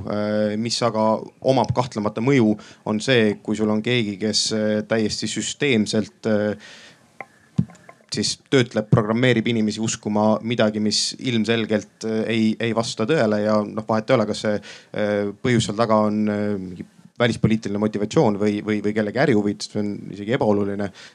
nii et, et, et jah, me pigem vaatame selliseid trende ja kuna see on üks, üks selline leitmotiiv kahtlemata, siis, siis, siis me vaatame seda, kas, kas see nüüd on nagu terav probleem Eestis pigem ei ole enam. Äh, pigem, pigem neid inimesi on ikkagi väga vähe, kes äh, päris sellist, äh, sellist asja usuvad. küll aga kui me vaatame näiteks jällegi, kui me enne siin rääkisime usaldusest kui võib-olla sellisest noh vundamendist, mis hoiab demokraatlikku ühiskonda koos usaldusest erinevate institutsioonide vastu, siis tõsi, meil on usaldus eesti ja vene keelt emakeelena kõnelevate inimeste seas institutsioonidesse erinev. Eh, NATO-sse see vahe on võrdlemisi suur, siin eestlaste seas on see mälu järgi üheksakümne protsendi ringi, vene keelt kõnelevate inimeste seas kuskil nelikümmend viis. nii et, et, et kahtlemata, kas, kas seal on arenguruumi? loomulikult kuidas selle probleemiga tegeleda, kui Soomest vaadata, mis nõu Eestile, Eestile anda, kui meil on eh, nii-öelda protsent inimestest, eh, kes nii-öelda Eesti riigi poolt vaadates, kelle peas on nii-öelda infokorratus, kes ei usu Eesti riigi eh, alustaladesse no tegelikult üks, üks tegur siin on see, et ta siis peaks see laiem kontekst ka nägema, et küsimus ei ole sellest, kas Eesti okupeeriti või mitte või et kas Soome, Soome võimud pidasid üleval nagu kontslaagreid Karjalas, nii nagu hetkel öeldakse ja see, kes mõrvasid kõik, ei olnudki Stalini, Stalini ohvrid, kes on Sadarmoos maetud või, või on soomlaste pärit päriselt soomlaste ohvrid. ja see on see, et ta siis see ajaloo kasutamine, ajaloo võtmine kasutusele sellesama segaduse ja nende pragude laiendamise tööriistana. sellest on ju küsimus. ja siis, kui on kodumaal selliseid võimu, kes seda võimendavad ja kes usuvad ja kes seda, kes seda veel kasutavad ära selle oma ühiskonnas, oma ühiskonna äh, lammutamiseks või, või lõhestamiseks. nii, nii siis ongi see siht nagu saavutatud ja et ei olegi vaja seda välis, välismõjutamist. mul ei ole mingeid nagu nõus, nõud anda, et mis, et mis sellega teha, sellepärast et tegelikult siis võiks olla ainult see, et okei okay,, arvab nii, no mis siis? Et jälle, jälle see küsimus, et kuidas see mõjutab, et sul on nagu õigus olla vale, valesti aru saada asjadest, aga mida sa selle, mida sa selle arvamusega teed, kas ta mõjutab su hääletust või? loogiline hirm siin Eestis on see, et juhul kui peaks tekkima sõjasituatsioon, et siis ehk nad ei ole, äkki need inimesed ei ole lojaalsed, äkki nad hakkavad toetama vastase võistkonda, lähtudes sellest ide ideoloogilisest eeldusest. aga kui konkreetne, kuidas kon konkreetne see oht nüüd tegelikult on? Või on see selline, et okei okay,, demokraatlikus ühiskonnas nagu, nagu lubatakse ka valesti, vale arusaame asjadest, siis minu meelest see võiks olla ka nii, et Soomes on ka inimesi, kes arvavad valesti asjadest ja, ja see on täitsa, see on nagu lubatud, aga siis ma arvan, et siis, siis me tuleme, keerame selle, selle küp-, selle stabiilsuse ja selle, et kui küps on Eesti ühiskond. ja minu arvamus ei ole sama kui Ahtol, minu meelest Eesti ühiskond on palju valmim lubama endale ka neid lahkarvamusi, kui tavaliselt mõeldakse?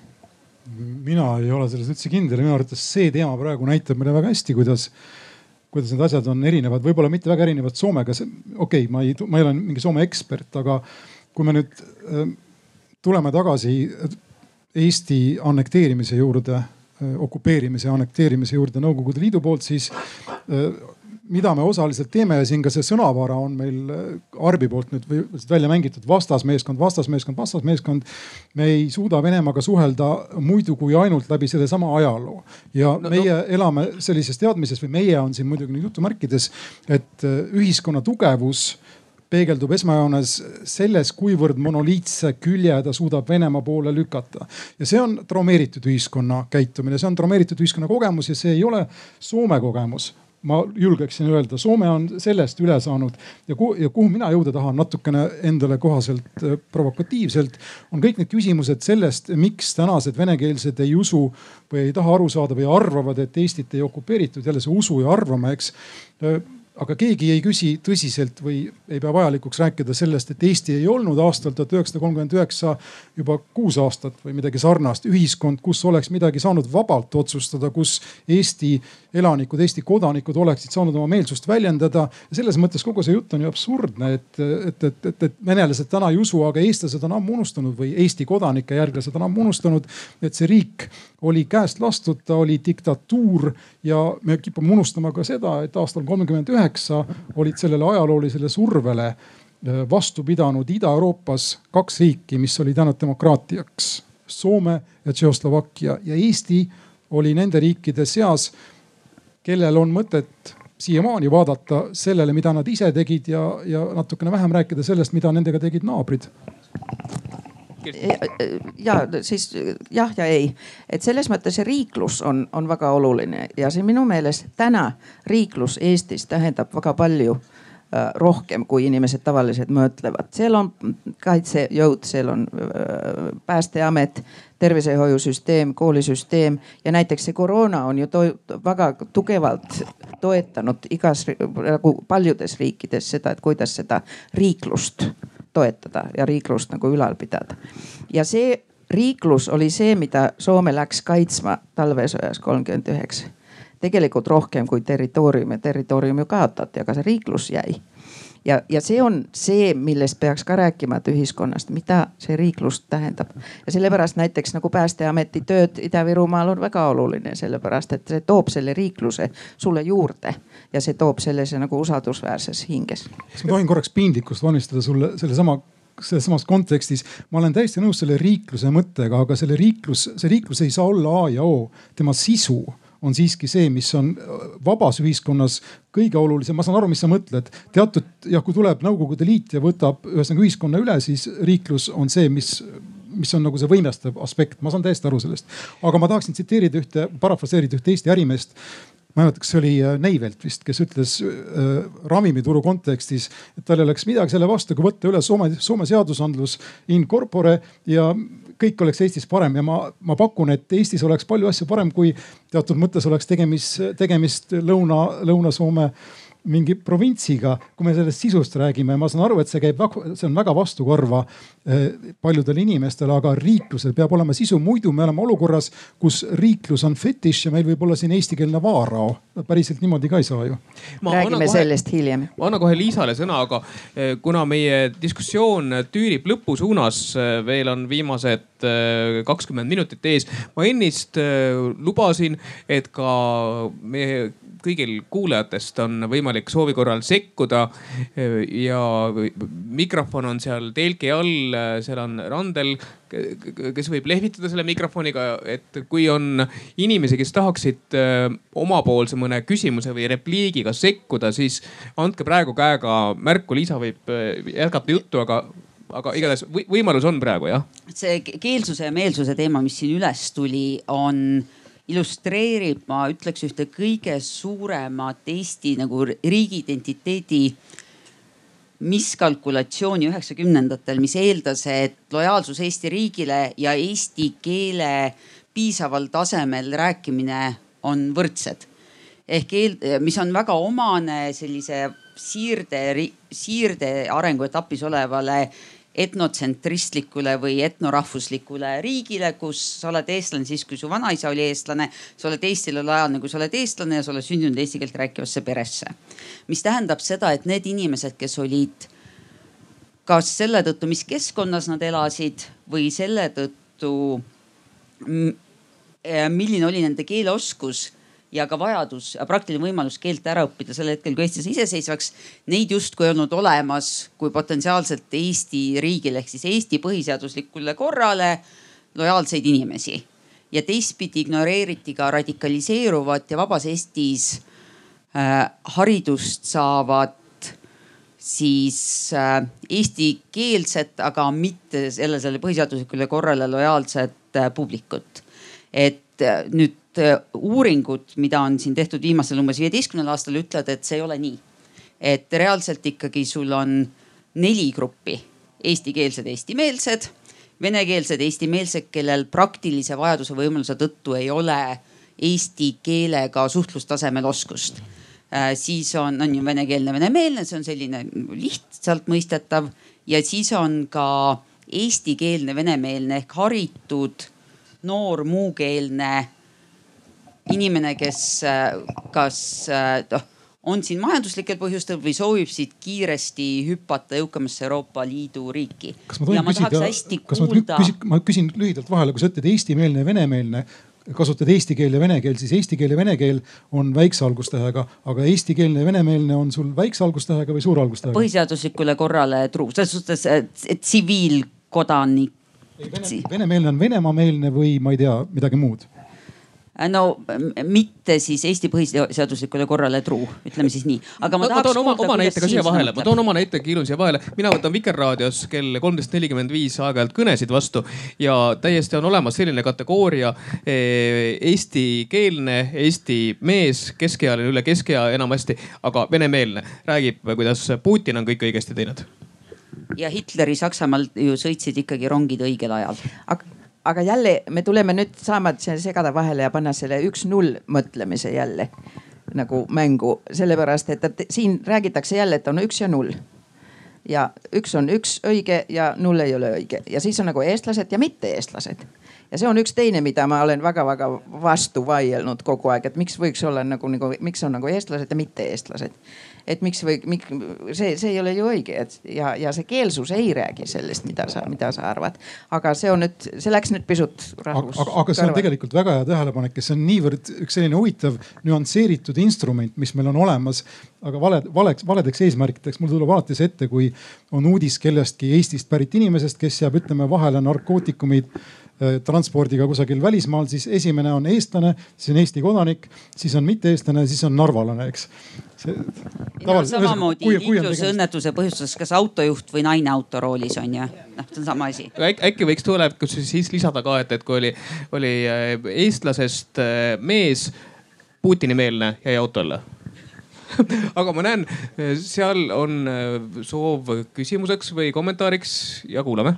jah, küsimus ja kommentaar korraga, et disinformatsioon väärinformatsioon on üsna palju levitatud. esimene näide teie enda hulgast, te ütlesite, et Soomes ei levi sellised kuulujutud. Üles raadio, mida võiks tõlgendada ka riigi käepikendusena, tegi loo sellest, kuidas oli näokaitsemaskide ostupaanika Soomes umbes kaks nädalat tagasi hakkas poodidest näomaskid otsa saama, kuna levis kuulujutt, et kohe kehtestatakse näomaski kandmise kohustus ja Üles raadio tegi loo, et seda kuulujuttu vähendada, kus võttis ka intervjuud kauplejatelt, kes väitsid, et jah, hetkel võib olla otsas, aga meil neid varusid on ja me toome juurde. nii et paralleel Soome-Eesti riigiga ja, ja Soome ja Eesti riigi vahel on selles kohas olemas. teine kommentaar puudutab teadust. väide sellest, et teadus ei ole kunagi lõplik, on muidugi tõene, seda ma usun, aga mõningad asjad on siiski seda, mida me võiksime uskuma jääda, nagu näiteks see, et maakera pöörleb ümber päikese ma arvan, et ka järgmise saja aasta jooksul või viiesaja aasta jooksul seda väidet ümber teadus ei lükka. et mingisugused fundamentaalsed asjad jäävad paika ja mis on meie infoühiskonnas juhtunud, mis on tõepoolest keeruline, on see, et me enam ei usu sellesse, et maakera tiirleb ümber päikese ja see on see kõige keerulisem, et me ei usu ei riiklikuid, ei avalik-õiguslikke ega mingeid allikaid ja kui me kõik puhu, põhineb usul siis on keeruline. aga kust maalt me tõmbame piiri sellele ja ütleme, et teadus on tõene ja ma usun teadusesse kui me jõuame vaktsiinide juurde näiteks tagasi ja kas seda räägib Eesti Rahvusringhääling või räägib seda Facebooki grupp.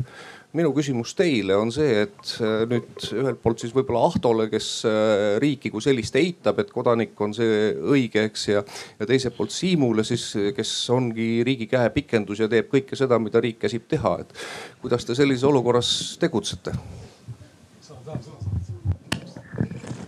no ei väga, väga hea küsimus, et äh, teadus, selles mõttes teadus on jah sihuke kuratlik äh, valdkond, et, äh, et selle, seesama kitsaskoht ongi see, et, et teadlased juba disaini poolest muudavad oma arvamusi, kui tulevad olemasolevaid teadmisi ümber lükkavad teadmised, ehk siis kuidagi ja inimene loomult otsib mingisugust kindlust, mingisugust selgust, noh seesama maski näide.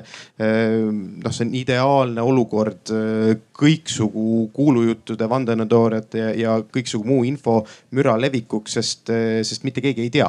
ja, ja teadmised sünnivad uuesti kohati vaata et igapäevaselt, siin töötatakse vaktsiine välja kümneid ja sadu kordi kiiremini kui, kui harilikult tavaks. nii et, et, et see on noh, me olemegi olukorras, kus, kus mitte kellelgi ei ole õige õiget vastust. noh, mida, mida me teeme, eks kuna see on sihuke vaikselt juba lõpusirge, siis riik, riigi poolt võib-olla me saamegi noh, veel kord, nagu ma alguses ütlesin, võimalikult vähe sekkumist ja võimalikult palju sellist noh, kuidas ma seda ise nagu võib-olla kokku võtan, on ühiskonna vastupanuvõime tõstmist, sellest võib veel pikalt ja laialt heietada, aga kindlasti seal on element haridus, mis alati kõlab hästi ja, ja on alati kuskil silmapiiril ja me justkui kunagi ei jõua sinna, aga sellegipoolest see on, see on hädavajalik. me omakorda saame võimestada ülikoole eh, seda, seda fenomeni ja seda, seda kuratlikku probleemi eh, uurima.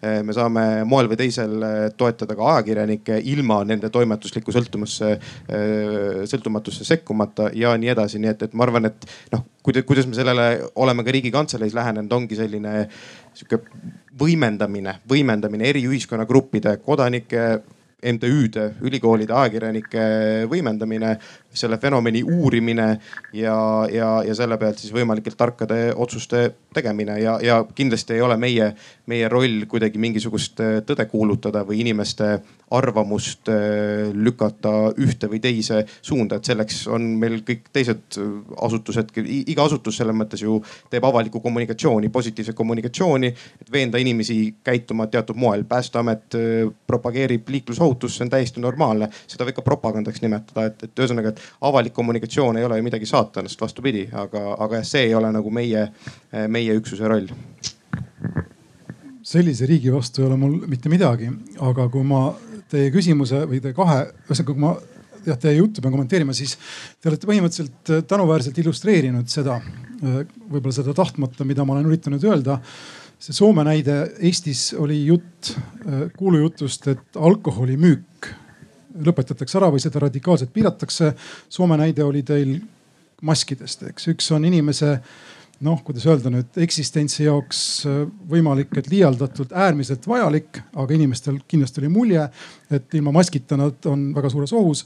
alkoholi puudus vaevalt, et kellelegi mingit ohtu äh, kujutab endast, tegemist on ma ütleksin väga hea näitega sellest, kuidas erineval arengutasemel ühiskonnad kontseptualiseerivad seda, mis kujutab endast ohtu. Eestis on see alkoholipuudus, Soomes on see näokatte äh, kättesaamatus. Äh, ma arvan, et isegi teie saate sellest vahest aru. teine küsimus või teine teema, mida te mainite, on vaktsiinide teema ja jällegi kui te ütlete, et vaktsiinidesse mitteuskumine on võrreldav sellega, et ei usuta, et maa tiirleb ümber päikese Äh, no siis te kas lihtsalt meelega kasutate retoorilist võtet nende inimeste alandamiseks või te tahate neile öelda, et teid tuleb usaldada, te teate paremini ja tegemist on usutava võrdlusega. aga mina pakun teile, et keegi peaks siis ju teist ülevalpool nendele inimestele ütlema, et see, mis teie ütlete päikese tiirlemise ja vaktsiinide, äh, vaktsiinidesse mitteuskуmise võrreldavuse kohta on tõsi. ja saate aru, et see on sihuke abs äh, reductio ad absurdum ju lõppkokkuvõttes no te ütlete seda, te ütlesite, et päike käib ümber maakera, eks. ja ma ei, ma ei taha seda vaidlust pikendada, aga, aga sellised võrdlused on eo ipso mõttetud ja ohtlikud, eks, sest et nad alandavad vestluspartnerit ja keegi peab ikkagi tõestama, et teil on õigus. seal on vist veel üks küsimus publiku seas, aga Kirsti enne soovis ka vist ki kiire kommentaar. nii ma sellest maskidest lihtsalt räägin, et minule on jäänud Soomes täiesti arusaamatust jutuks, miks see vaidlus käis nii pikalt ja miks ei tehtud seda otsust või et, et ei võeta, et, et võimud ei arvanud, et kas see mask nüüd võetakse kasutusele või ei. ja Soomes on jälle see üks-null mõtlemine, et siis kui võetakse kasutusele, siis kõik peavad kohe kasutama ja siis sind pannakse nagu kuidagi karistatakse, kui sa seda ei tee, et kuulelikult seda järgida. aga no nüüd see otsus on tehtud ja, ja huvitav näha, kuidas sellega käib, aga see oli nagu rohkem see ametivõimude otsustamatus oli selle põhjusel. ja palun nimi on Sulev Valdmaa, ma olen Jaan Tõnissoni instituudist, aga elan Kuusalus. ja mul on üks juhtum ja selle juhtumi järel on mul teile küsimus. ma olen ajalooõpetaja ja siis äh, mulle ükskord helistati kuskil poolteist kuud tagasi Tallinnast, et kas ma võiksin Kuusalu kiriku juures näidata ühele ekskursioonigrupile noh, siis seda kirikut seest ja kiriku juures olevat äh, mõisnike hauaplatsi ja nii edasi ja mina andsin nõusoleku ja tuli see grupp kohale. Need olid venekeelsed inimesed ja siis see giid, kes Tallinnast grupiga tuli, need olid Tallinna inimesed, siis ta näitab Kuusalu kiriku aias Benkendorfi kabelit ja äh, Stenbockide hauaplatsi ja Wrangelite hauaplatsi ja räägib, kuidas need inimesed kõik Vene tsaaririigi jaoks töötasid, kuidas kõik oli nase ja seda teist poolt, et need inimesed olid äh, Vene tsaaririigi teenistuses, noh jumal tänatud, et nad Vene tsaaril käepärast olid, aga et nad olid põliselt Eestis varem elanud enne Vene võimu kehtestamist, seda dimensiooni üldse ei olnud. Ja siis me läksime sinna kiriku taha Kuusalu pastoraadi ette, kus nüüd on Eduard Arentsi mälestussammas ja ma ütlen, et näed, see on mälestussammas sellele inimesele, kes reformis eesti keele niisuguseks grammatiliselt, nagu me täna teda, seda räägime ja õpetame ja siis nad küsivad, et oi, aga mis keeles teie siis enne rääkisite? ja see grupp äh, kõneles minuga ka eesti keeles ja mina räägin ka vene keelt. ja vot kuidas on võimalik, et ähm, Eesti taasiseseisvumise kolmekümnendal aastal varsti elatakse meil siin sellises paralleelmaailmas, me räägime, kõigil on vabadus, sellel giidil ongi vabadus niimoodi rääkida, sest see jutt on ka osaliselt õige aga kas seda me siis Eesti riigis tahaksime ja kui siin on kellelgi midagi tegemata, siis kes on siin midagi nüüd tegemata jätnud või on valesti teinud? nii, Siim Kumpas, kas te olete midagi jätnud tegemata riigikantseleis, et selline giid käib seal? No kui, kui kõik oleks tehtud, siis ma arvan, meie üksus võiks pidulikult asjad kokku pakkida ja, ja muude ülesannete juurde minna. ma ei arva kahtlemata, et see on koht, kus riigikantselei strateegilise kommunikatsiooni tiim peaks kuidagi sekkuma süsteemselt. meil on, ma arvan, võrdlemisi hea, vägagi hea rahvusvaheliste standardite järgi eh, haridussüsteem, eh, millesse mina igatahes usun isegi selle kasvandikku ja, ja noh, küsimus, kust sellised lüngad tulevad, väga raske ühest ja veenvat vastust siin anda, seal võib põhjuseid olla must, mustmiljon, kas, kas isiklik ajalugu võib-olla mm, riukalik õpetaja, mida ilmselt ka võib-olla mõni, mõne leiab riigi peale või, või midagi kolmandat, ega, ega ma ei oska öelda, kust see tuleb.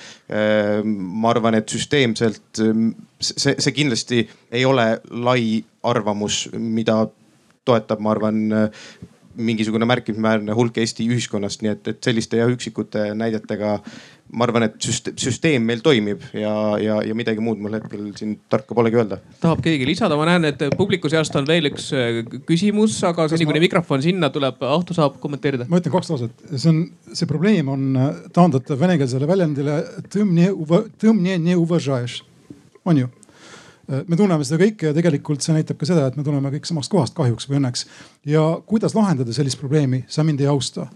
selleks on sellesama traditsiooni raames, mida me kõik nii hästi tunneme, aga tahame unustada, on jõud, eks, toores jõud ja kui me apelleerime riigile või millelegi, no repressioonidele, repressiivaparaadile, see on üks lahendus, aga lahendus, mida pakub meile see traditsioon, mille suunas me tahame liikuda ehk siis Euroopa, kuivõrd, ma ei tea, kui, kui me tahame sinna liikuda, ütleb seda, et jällegi aeg ja põhjus austamiseks on need kaks asja, mis selle asja ära ravivad. kahjuks on vaja ära oodata lihtsalt see ja olla selle väärilised muidugi ja nüüd palun tänane viimane küsimus publiku seast. aitäh ja ma tahtsin öelda, et tegelikult mul on nii palju öelda ja nii palju mõtteid ja nii palju küsimusi, et neid kõiki ei saagi niikuinii küsida. seetõttu ma parem ütlen lihtsalt aitäh teile kõigile selle eest, et mul tuli esimene äh, niisugune mõte, et kuskil üheksakümnendate lõpus müüdi televiisoris niisugust äh, Äh, masinat, mida sai kõhu külge kleepida rihmadega, et ta kõhulihaseid teeks, mille nimi on butterfly abs ja mul on täpselt sihuke tunne, et minu peas on midagi sellist, et mulle väga meeldib, et see on niisugune mõttetöö ergutus ja selle eest ma tänan teid kõiki väga ja kõige selle mõttega, selle eestluse mõttega ja info mõttega jäi selline lugu, mida ma tahtsin jagada, äh, mida minu vanaisa rääkinud. kuidas tema külas, siis kõigepealt käisid üle sakslased ja kõik saksa väed. Siis oli natuke eestlust ja siis tulid ju venelased. Ehm, ja tema isa lasti tema kodus tema silma all maha teise eestlase poolt sest nimelt just seesama eestlane oli kõigepealt, kui sakslased tulid, hurraa, sakslased on ju head. me oleme nendemeelsed. siis sakslased võtsid Vene vange ja kui nemad ära läksid ja näitasid palju Vene vange Eesti taludesse tööle, nii-öelda sundtöölisteks või võib ka öelda orjadeks. ja siis tulid venelased ja nüüd tuli see olukord kuidagi kähku lahendada ja kuna vanaisa isa rääkis vene keelt, siis tema oli üks nendest inimestest, kes teadis nendest sunnitöölistest. Ja ta tuli kõrvaldada. Ja see oli teine eestlane, kes siis seda tegi, et, äh, et ma arvan, et me jõuamegi nagu ikkagi selle mõttega sinna, et äh, et, et kus see haridus ja haritus on, kes meile õpetab moraali, kes meile õpetab nagu seda õiglast kompassi et äh, ma arvan, et see kõik jõudub kogu aeg tagasi sinna, et äh, see töö peab, peab olema kogu aeg aktiivsem. sest et äh, praegu maal keskmine eestlane, teda ei huvita see arvamusfestival näiteks, teda ei huvita kõik see, mida siin räägitakse. ta teeb oma asja edasi ja räägib ikka oma asja edasi Ehm, et see, et seda jah, et seda informatsiooni peab ikkagi nii palju varasemale tasemele jaotama. Et aga aitäh äh, huvitava mõttetöö eest, mis käib minu peas kindlasti veel mitu päeva edasi äh, aitäh nii toreda kommentaari eest, see peaaegu et sobiks lõpetama meie diskussiooni, kas keegi tahab veel äh, panelistidest omalt poolt lõpulauseks midagi öelda, Kirsti? ainult see teema, mida me nüüd ei ole arutatud, aga ma jätaks siis seemne nagu järgmisele aastale, on see, et mida võime seadusandluse kaudu teha. Kas on olemas mingi piir kurjateo ja lubatud sõnavabaduse kasutamise vahel Äh, minu meelest on, aga on selliseid ka, kes arvavad, et ei ole, aga mina olengi jurist oma koolituse järgi. täna kell kaheksateist, ma vaatan kavast, on siinsamas arutelu teemal, kuidas ohjata väärinfot, hoides sõna vaba ja seda juhib doktor Paloma Krõõt-Tupai. Nonii, väga hea. tahab keegi veel lisada ühe lause lõpetuseks? Siis mina tänan, oli väga huvitav, tekkis palju uusi mõtteid. me ei suutnud lõplikult defineerida, millises olukorras siis või konsensust siin ei tekkinud ja ei pidanudki tekkima, et mis olukorras siis tuleks riigi poolt äh, infokorratusele reageerida ja mis see infokorratus lõpuks üldsegi on. aga mõtteainet pakkus see loodetavasti nii meie vaatajatele Facebook Live'i kaudu kui ka nüüd alguses oli teid umbes siin viiskümmend, ma pakun, et võib-olla isegi natuke rohkem nüüd meie arutelu lõpuks. aga ma ütlen veel kord aitäh, Kersti Narinen, Liisa Past, Siim Kumpas ja Ahto Lobjakas